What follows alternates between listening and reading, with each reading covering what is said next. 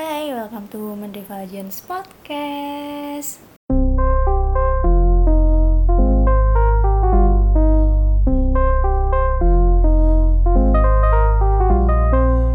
Halo semuanya, kembali lagi bersama aku Rarak dan partnerku Nabila Di podcast kali ini kita akan ngomongin tentang apa nih Bill? Nah, kita bakal ngomongin tentang women leadership in modern era. Mantap banget. Nah, kenapa sih Bill kok tiba-tiba tuh kita bisa kepikiran gitu loh buat bikin yang bertemakan ini gitu? Oke, jadi eh, sebelumnya setelah kita vakum selama berbulan-bulan ya, kita kan pasti menampung, pernah menampung juga tuh ide-ide apa nih yang kira-kira pengen banget diobrolin di podcast kita eh, untuk teman-teman semuanya. Terus kita tertarik banget nih sama salah satu topik atau ide dari teman-teman mengenai women leadership itu sendiri. Jadi kayaknya kita bakalan comeback Mira dengan topik yang uh, most wanted, most requested gitu. Badan. Nah, tapi sebelum kita masuk ke pembahasan yang utama, sebenarnya pemimpin sendiri itu apa sih, Bill? Kan kamu sebagai mahasiswa yang eh mahasiswi yang aktif banget nih di segala kegiatan, segala organisasi gitu. Bisa nggak sih sharing sedikit tentang pemimpin itu apa? Oke, menurut aku sih ya, pemimpin itu adalah seseorang yang memiliki kelebihan atau kecakapan nih ya, capability dan capacity untuk uh, maximize di suatu bidang gitu. Jadi uh, si seseorang ini tuh mampu mempengaruhi orang lain untuk bersama-sama melakukan aktivitas tertentu demi pencapaian atau uh, tujuan tertentu gitu. Hmm. Nah, tapi Ra, kepemimpinan ini tuh nggak hanya terlepas dari individu yang berperan sebagai seseorang pemimpin aja. Banyak juga yang menghubungkan kemampuan individu dalam memimpin dengan aspek biologis gitu, berdasarkan perbedaan jenis kelamin, yaitu laki-laki dan perempuan. Nah, hal tersebut kemudian mengakib- mengakibatkan timbulnya istilah ketimpangan gender nih, dengan menempatkan perempuan pada kondisi yang tidak menguntungkan, alias uh, mungkin dianggap kurang layak lah untuk menjadi seorang pemimpin gitu ya walaupun sebenarnya perempuan itu adalah sumber daya manusia yang bahkan jumlahnya itu jauh lebih banyak dibandingkan laki-laki di dunia ini gitu Wah, menarik menarik. Nah, biasanya eh, organisasi ini kan kebanyakan dipimpin sama seorang pria atau laki-laki gitu. Tapi perkembangan zaman menuntut wanita untuk bisa memimpin suatu organisasi juga gitu.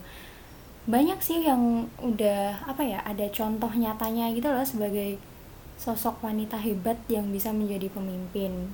Misalkan presiden, direktur perusahaan, pemimpin organisasi ataupun pemimpin-pemimpin lainnya.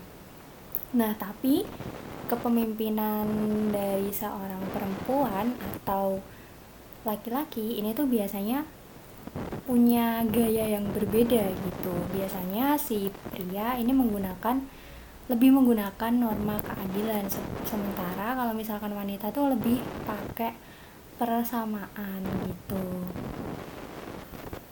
Nah, misalnya nih satu contohnya adalah eh, yang kita semua pasti tahu sih Ibu Era Kartini yang merupakan teladan penting bagi perempuan Indonesia. Ini tuh menjadi apa ya kayak role model gitu nggak sih sebagai sosok pertama yang pada akhirnya tuh eh mengapa ya menganukan eh apa bahasa menganukan kalau misalkan perempuan ini juga bisa gitu loh nggak cuman menjadi se- se- seseorang yang pengikut aja gitu. memperjuangkan haknya lah ya nah istilahnya. itu dia menganukan jangan ditiru ya guys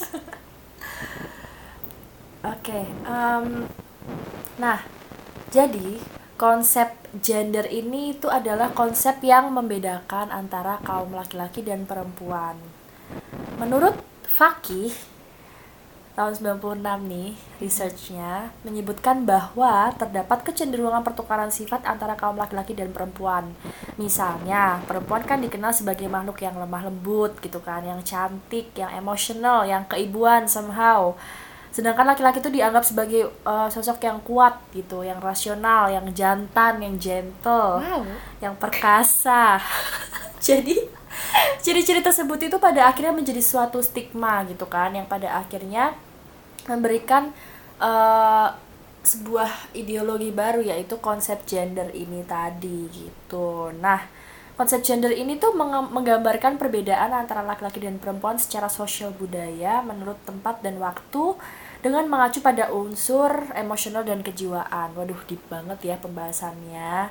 Perbedaan yang telah disebutkan tadi itu menimbulkan ketidakadilan nih pada perempuan berupa stereotip yang di antaranya misalnya perempuan tuh tidak tepat nih menjadi pemimpin karena dianggap sebagai uh, seseorang yang kurang strong ya yang emosional yang mungkin kurang kritis juga gitu for some reasons gitu kan. Nah hal-hal kayak gini nih masih menyebabkan adanya uh, apa ya pemikiran masa lalu konvensional lah istilahnya. Kayak masih terlalu tabu lah untuk mereka gitu. Hmm. nah tapi seperti yang kita bilang tadi zaman kan terus berubah ya dan sekarang juga pada akhirnya banyak juga perempuan yang benar-benar udah apa ya le udah lepas dari stereotip yang lama itu tadi. Banyak yang udah jadi seperti yang awal dibilang pemimpin perusahaan atau bahkan presiden dan lain sebagainya gitu. Nah ini pun juga udah mulai nih diangkat di seri-series ataupun film atau bahkan juga di contoh nyata kehidupan kita sehari-hari itu iya. juga ada. Nah, kemarin nih yang lagi lagi viral berapa minggu yang lalu ya itu kamu nonton gak sih Bill uh, series Korea startup? Nonton dong. Tim, tim Jipyong kita berada pada tim sama. Tapi uh, bukan masalah tim Jipyong atau apanya sih yang mau kita bahas di sini. Tapi kita lebih ke ngambil bahwa di situ kan ada si siapa? Suzy? Dalmi nah, Dalmi, Dalmi. Dalmi. kok aku lupa ya? Ada Sodalmi yang dia sebenarnya di situ pada awalnya bukan siapa-siapa dan dia latar belakang pendidikannya pun juga SMA ya kalau nggak salah. Iya, ingat aku. Dia dia sebenarnya masuk kuliah tapi pada akhirnya dia lebih memilih untuk ngebantu neneknya Bekerja, gitu, gitu kan. aduh idaman banget mbak Delmi. terus habis itu ternyata tapi dia tuh bagus dia punya mimpi yang besar. Pada akhirnya dia ikut ke sandbox dan ternyata bertemulah sosok dosen yang akhirnya menawarkan menawarkan kepada si Delmi ini mau nggak dia buat jadi CEO karena dianggap si Delmi ini punya kapabilitas gitu. Nah terus apa ya? Dia di situ menunjukkan gitu loh uh, si dosennya ini menunjukkan bahwa dia tidak egois walaupun dia sebenarnya punya kapasitas untuk membuat sesuatu bukan memimpin sesuatu kan. Nah dia lebih melemparkan ke bukan melemparkan juga sih tapi kayak mempercayakan nah mempercayakan kepemimpinan dari timnya ini ke Dalmi. Dan di situ pun Dalmi juga yang sangat bertanggung jawab terhadap timnya. Walaupun di awal mereka tuh ngelakuin kesalahan tapi pada akhirnya mereka ya ya udah menerima mau gimana lagi. Setelah itu dia kan mulai apa ya nyari nyari opsi lain di mana akhirnya dia gabung ke uh, perusahaan kakaknya. Injay Injay ya, Company. Injay Company. Dan di situ kan dia mulai uh, apa ya ambil pelajaran gitu dari kakaknya dan di situ dia mulai jadi pemimpin buat si apa lagi perusahaan yang dia dapat setelah itu pokoknya yang mobil itu kan yeah, uh, nah uh. itu sumpah maaf banget ini lupa lupa namanya karena udah beberapa minggu yang lalu Nah, tapi di situ dengan dia kerja keras, dia kasih semua effortnya, dia kasih semua apa ya yang dia bisa, pada akhirnya kan itu juga sukses gitu loh. Sama juga kayak si kakaknya yang Inje itu kan, bener. dia awalnya ikut di perusahaan bapaknya tapi di depak secara tidak tidak langsung ya. Mm -hmm. Itu pada akhirnya ya mungkin emang ada sisi-sisi emosional dari seorang perempuan gitu di situ mungkin menurutku juga pas aku nonton itu Inji juga kecewa sama bapaknya tapi dia lebih logis lebih rasional gitu loh ya dia kecewa tapi apa yang bisa dia lakukan setelah itu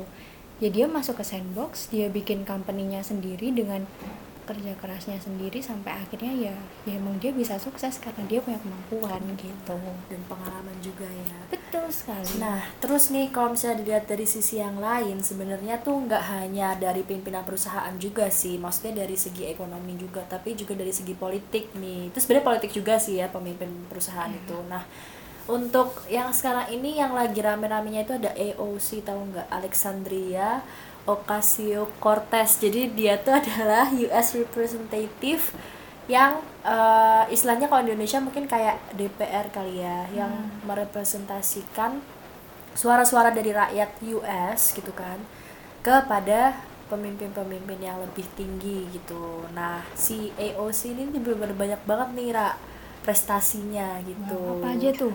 Jadi dia tuh bener-bener melawan atau bukan melawan sih sebenarnya lebih ke fight fight for apa namanya hak perempuan di mata hmm.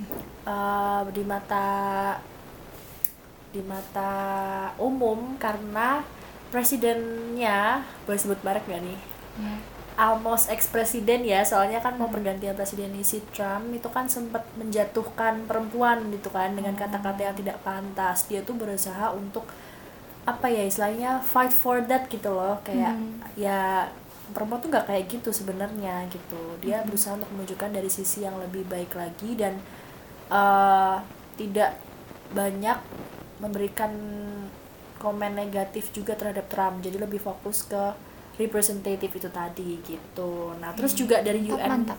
iya dari UN Women ini juga pada akhirnya sejak tahun 2011 itu udah ada Resolution on Women's Political Participation Notes gitu yang mana women in every part of the world continue to be largely marginalized from the political sphere often as a result of discriminatory laws, practices, attitudes, and gender stereotypes, low levels of education, lack of access to healthcare, and the disproportionate effect on pay off poverty on women gitu. Wow, Apa tuh kira-kira artinya? Intinya tuh uh, UN Women tuh memiliki program leadership gitu untuk perempuan-perempuan di seluruh dunia supaya mereka bisa uh, masuk ke jajaran orang-orang sukses juga nih. Karena kan wow. ya supaya tidak disepelekan dan dipandang sebelah mata di underestimate lah ya sama kaum kaum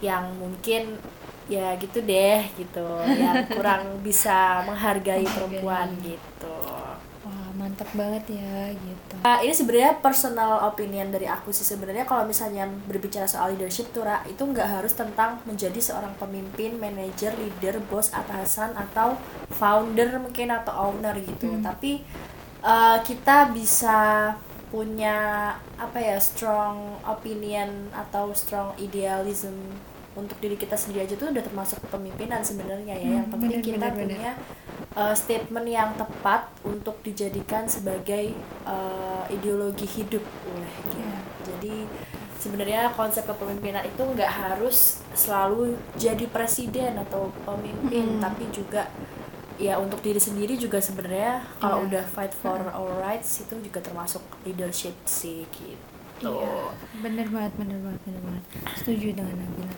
Nah, terus aku jadi inget uh, beberapa waktu yang lalu, nah ada seseorang yang nanya ke aku, menurut pandangan kamu gimana tentang sosok cewek yang eh perempuan yang jadi pemimpin gitu? Apakah sebenarnya tuh emang mereka layak atau ya kodratnya pemimpin itu adalah laki-laki gitu ya, ya kan yang yang kita tahu gitu tapi kalau misalkan seiring perkembangan zaman ya seperti yang kita tadi udah jelasin sih walaupun kodratnya tuh sebenarnya laki-laki tapi tidak menutup kemungkinan juga kalau misalkan memang perempuan yang memang punya kapasitas dan punya capability itu juga bisa jadi pemimpin. Karena ya tadi perempuan memang mungkin mempunyai sisi emosional atau lebih membawa perasaan tapi juga nggak bisa dikesampingin bahwa mereka nih juga punya gitu loh uh, apa namanya skill-skill yang mungkin akan setara sama laki-laki juga gitu. Cuman bedanya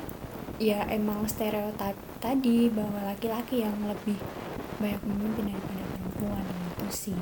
Jadi nggak ada salahnya juga sebenarnya kalau misalkan perempuan ini jadi seorang pemimpin, pemimpin. agree banget. Nah ini nih ada research nih Ra, dari Fitriani tahun 2012 yang beliau research tentang eh, sifat-sifat uh, dasar uh, yang dimiliki oleh perempuan nih yang dianggap sebagai kriteria yang pas banget nih untuk jadi seorang pemimpin. Antara lain misalnya lebih sabar lebih peka. Aku banget ya. Waduh. Sabar memiliki empati multitasking terus jago negosiasi. Kamu jago negosiasi juga nggak nih? Kayaknya skip. Oh, skip. Pokoknya itu deh gitu. Jadi tuh dari research research ini tuh mereka sudah membuktikan bahwa perempuan itu sebenarnya juga capable banget nih untuk jadi seorang pemimpin atau uh, mengembangkan leadership skillsnya nih dalam kehidupan sehari-hari atau profesional gitu.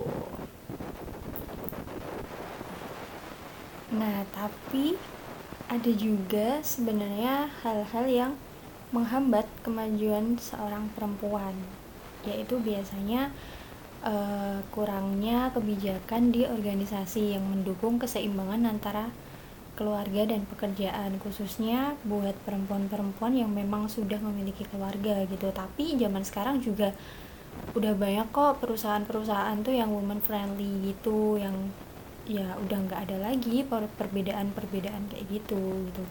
Perusahaan-perusahaan ini biasanya lebih memberikan kesempatan bagi wanita bagi perempuan untuk meniti karirnya dan juga menghasilkan para perempuan yang sukses dalam karir dan ber berkeluarga. Kan kalau misalkan kita bisa seimbang nih sukses antara mengurus keluarga dan juga sukses dalam berkarir kan juga kayak ada apa ya kebahagiaan tersendiri gitu. Benar. jadi nggak jadi timpang salah satunya. Begitu deh. Mantep mantep mantep. Nah karena ada apa ya hal-hal yang perlu diperhatikan tadi juga nih gitu kan.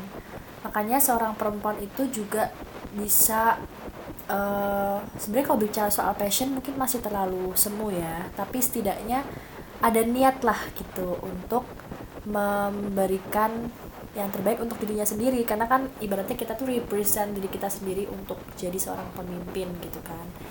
Itu bisa dilalui dengan berbagai macam cara sih sebenarnya hmm. yang valid banget nih karena udah banyak buktinya contohnya misalnya mencari mentor terbaik atau orang yang kita anggap bisa membantu kita membimbing kita hmm. untuk bisa mengembangkan si skill leadership ini tadi gitu hmm. mentornya itu hmm. adalah orang-orang yang mungkin nggak harus tinggi jabatan nggak harus jadi orang penting di suatu perusahaan tapi mungkin teman sendiri yang sekiranya ternyata dia capable banget nih untuk mm-hmm. berbicara soal leadership skill. Bisa banget kalian bisa saling sharing kayak gitu kan mm-hmm. Ra. Atau mungkin bisa minta tolong Jipyong yeah, sebagai itu. seorang mentor gitu kan. Kita langsung DM aja gitu. Bisa nggak jadi mentor aku? Boleh boleh. Ya beginilah kalau misalkan perempuan sudah terkenal demam drama Korea drama Korea. Aduh susah banget deh. Ya. terus mungkin uh, bisa juga meningkatkan visibilitas dengan menunjukkan prestasi kerja gitu. Prestasi kerja di sini maksudnya adalah bukan bukan berarti harus achievement yang menang lomba atau tinggi-tinggian salary gitu ya, hmm. tapi lebih ke kontribusi apa sih even kecil ya, kontribusi apa sih yang bisa kita lakukan untuk bisa menunjukkan bahwa kita tuh capable di bidang yang kita lakukan sekarang gitu.